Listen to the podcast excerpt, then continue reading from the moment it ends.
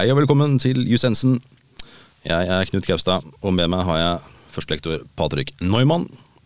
Vi er fremdeles i avtalerettens verden, og denne episoden her blir litt mer praktisk anlagt, egentlig. Her skal vi egentlig se litt avtalerettslige problemstillinger opp imot hverdagslige utfordringer, som da spesielt det å handle via Finn eller Tice.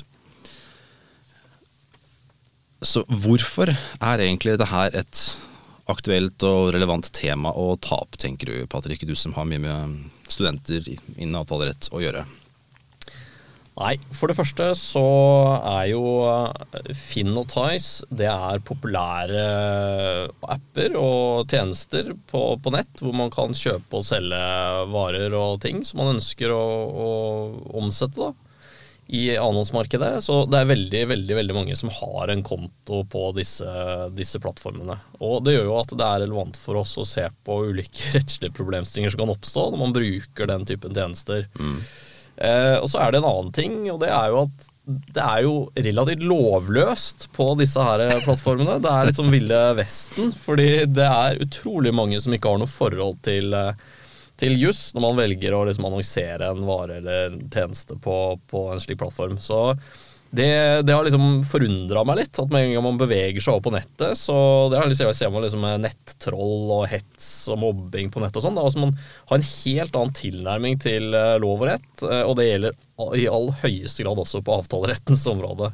Det tviler jeg virkelig ikke på, og her kan du jo virkelig gå på noen uh, brølere som både selger og kjøper. da. Men har du, har du noen kjennskap til hva som er de vanligste fallgruvene? Hva er det vi oftest ser som brølerfeil? Nei, det er eh, mange ting. Altså, jeg vil si at det er en ganske stor risiko eh, generelt med å handle på en slik plattform. Fordi eh, menneskene som, eh, som, er der, de er ikke alltid i stand til å vurdere hvilke rettigheter og plikter man har i et sånt kontraktsforhold. Eh, de vanligste tingene som, eh, som, folk gjør feil, det er bl.a. at man tror at man har en angrerett, altså muligheten til å trekke seg fra kjøpet. Mm.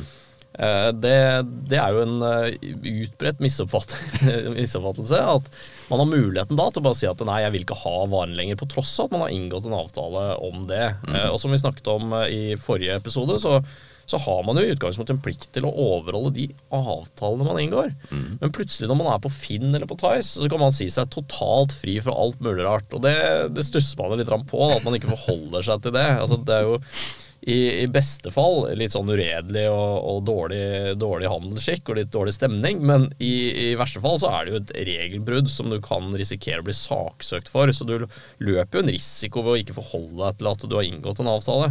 Mm. Så det er en av de vanligste fallgruvene. Og så er det jo selvfølgelig flere ting. At folk er ganske utydelige når du kommuniserer på, på denne typen plattformer. Altså man er ganske knapp i, i formen. Det er liksom det ene. Det andre er at det, man, eh, man, har en tendens til å ikke regulere ting som er helt sånn sentrale ting ved å, ved å inngå et kjøp. Altså når skal varen leveres, hvem skal betale for det?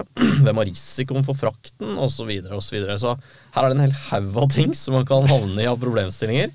Som man ikke tenker over når man, eh, når man skal kjøpe et eller annet på Finn eller Tice. Det viktigste for folk er jo prisen, som regel. Ja. At de skal få en eller annen vare til en eller annen pris. Mm. Men så er det veldig mye annet man glemmer, da, som eh, f.eks. Eh, risiko.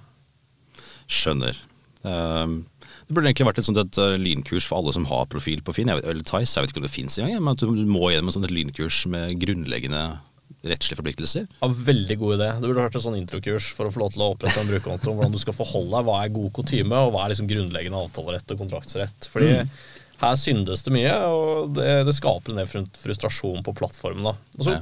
er det jo selvfølgelig verktøy og metoder for å kunne sile ut uh, uprofesjonelle, useriøse aktører som f.eks. sånn ratingsystem og sånn, men uh, det er ikke et fullgodt uh, system for å få bukt med de problemene som kan oppstå på, på, sånne, på, de, på disse plattformene. Nei. Så du er egentlig litt ute i uh, skogen og sykler på en måte når du handler på Finitize. Det, det, er ikke noe sånn fullgodt sikkert system for at du kan gjøre 100% perfekt kjøp hver eneste gang. Du kan risikere at du kan møte på noe grums. Nei, altså Det som er det aller viktigste partene kan gjøre, det er å være tydelig om hva de ønsker, og, og, regulere helt grunnleggende ting som når skal man ha varen, hva har man kjøpt, hvilken stand er varen i, hva skal man betale, hvem skal betale for frakten osv. For det er ofte ting som skal sendes dette her.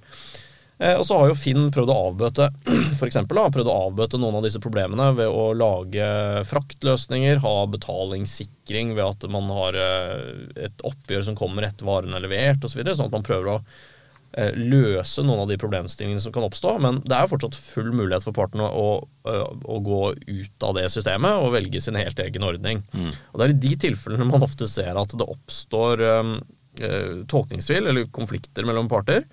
Eh, og så er det liksom, I og med at man ofte kjøper og selger ting som har en relativt begrenset verdi, eller kan ha det, eh, så, eh, så, så, er det ikke alltid at man gidder å ta dette videre. Selv om det er et klart brudd på, på reglene. Ja. Men hvis du blir lurt, da, og du har du har ikke fått det du skal ha, eller ting kommer ikke som det skal, eller hva det måtte være. Hva kan du egentlig gjøre med det? Har du noen rettigheter du kan påberope deg som er ikke av kostbar eh, affære. Jeg tenker på advokatretning og sånne ting. Er det noe du kan gjøre helt basic på egen hånd? Ja, det er det. Du kan jo selvfølgelig ta saken videre med Finn uh, for å sørge for at det blir rapportert at denne brukeren er en useriøs aktør. Så det er én mulighet. Det kan både selger og kjøper gjøre. I en sånn mer rettslig kontekst så har man jo muligheten til å, å påberope seg dette regelbruddet for ulike klage- og tilsynsorgan osv. hvis man Eh, ikke tilsynsorgan, men ulike mm, tvisteløsningsorganer. Mm. Eh, F.eks. man kan ta saken til forliksrådet. Men allerede der så oppleves det som relativt byrdefullt for partene, for du må betale et gebyr for å ta saken dit. Ja. Eh, så betyr det at hvis varens verdi er under det gebyrets størrelse, så begynner det å bli slik at vinninga fort går opp i spinninga. Så ja. På en måte så kan man jo si at man er litt sånn rettsløs, fordi, fordi, man er avhengig av at det er en viss sum i potten for at man skal gidde å ta dette videre. Mm. Men, eh, men, det er selvfølgelig muligheter. Eh, og hvis det er profesjonelle aktører som selger ting på Finn til forbrukere, det fins jo eksempler på det også, ja. Eh, så har man jo klage- og tilsynsorganer, f.eks. For Forbrukertilsynet, hvor man, kan, hvor man, kan, sende en klage for brudd på ulike regler. Så det, man, man, er ikke rettsløs. Men det er helt klart at det kan være kostbart, og det kan være en langtrekkelig prosess å prøve å få gjennomslag for et krav mot en, mot en selger eller en kjøper. Akkurat. Så det, er, det fins håp, selv om det kan være vanskelig og øh, vanskelig tøft. Uh, har du noen andre tips du uh, vil gitt til uh, den ganske befolkning når det kommer til avtalerett og Finn og Tice og andre nettaktører? Altså det viktigste er å være tydelig, og nå, særlig de tidene vi går inn i nå, da, med dyrtid og at man får litt marginalisert økonomi og inflasjonen øker og man får litt mindre penger å rutte med, rett og slett, så er det å være tydelig. Uh, vis uh, og forklar hva man har tenkt, og, ikke la det liksom være opp til parten å forstå. Det, det, er bedre å si det en gang for mye, en gang for lite. Uh, og da kan man unngå mange tvister. Så det er en, en enkel måte da, å gardere seg selv. Og så er det et prinsipp ofte her at man bør ikke yte før man får mest mulig gjensidighet mellom, mellom partenes forpliktelser. Det vil si at du bør prøve å holde igjen eh, betalingen frem til du faktisk får varen. Det beste er jo en fullstendig gjensidig overlevering. At man betaler, eh, liksom får pølsepenga, at man eh, får en overlevering på akkurat samme tidspunkt. Ja. Og så lar ikke det seg alltid løse, og Finn f.eks. har jo kommet med løsninger som gjør at man kan, kan, avbøte det problemet. Hvor man liksom betaler inn til en tjeneste, og så blir det utbetalt når varen er bekreftet levert og sånn. Og det, det er jo en fin løsning. men men uh, det, det, dummeste du kan gjøre, det er jo å forskuddsbetale uten å ha noen garanti for at leveringen skjer, f.eks. Så der da må man være litt forsiktig. Det, det, da ville jeg vært litt som tilbakeholden, da. Ja. Det kan være greit å være litt ekstra varsom i tilfeller hvor det er, eh, ting virker litt for godt til å være sant, eller at det kan være litt, litt, litt høy risiko. Ja, Så kan man gjøre en vurdering av selger, f.eks. hvis man sitter på kjøpesiden. og Det er jo å se hva slags rating har kjøperen. Er det en person som har gått ut med fullt navn, og virker dette som en legitim uh, transaksjon. Altså, det er mange sånne ting som man kan vurdere, da, om det er noen røde flagg. Hvis det er en person uh, eller en bruker som du ikke ser har noen ratings, eh, som er et nyopprettet konto mm. med skjult navn uten bilde, så, så, bør du vise tilsvarende større grad av, av varsomhet.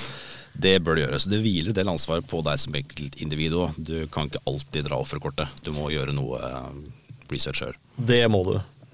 Men jeg tenker at med de kloke ordene som har kommet der, sånn, så kan vi egentlig avslutte episoden der sånn med praktiske tips til avtalerett på Finn og Tice. Så høres vi igjen i neste episode.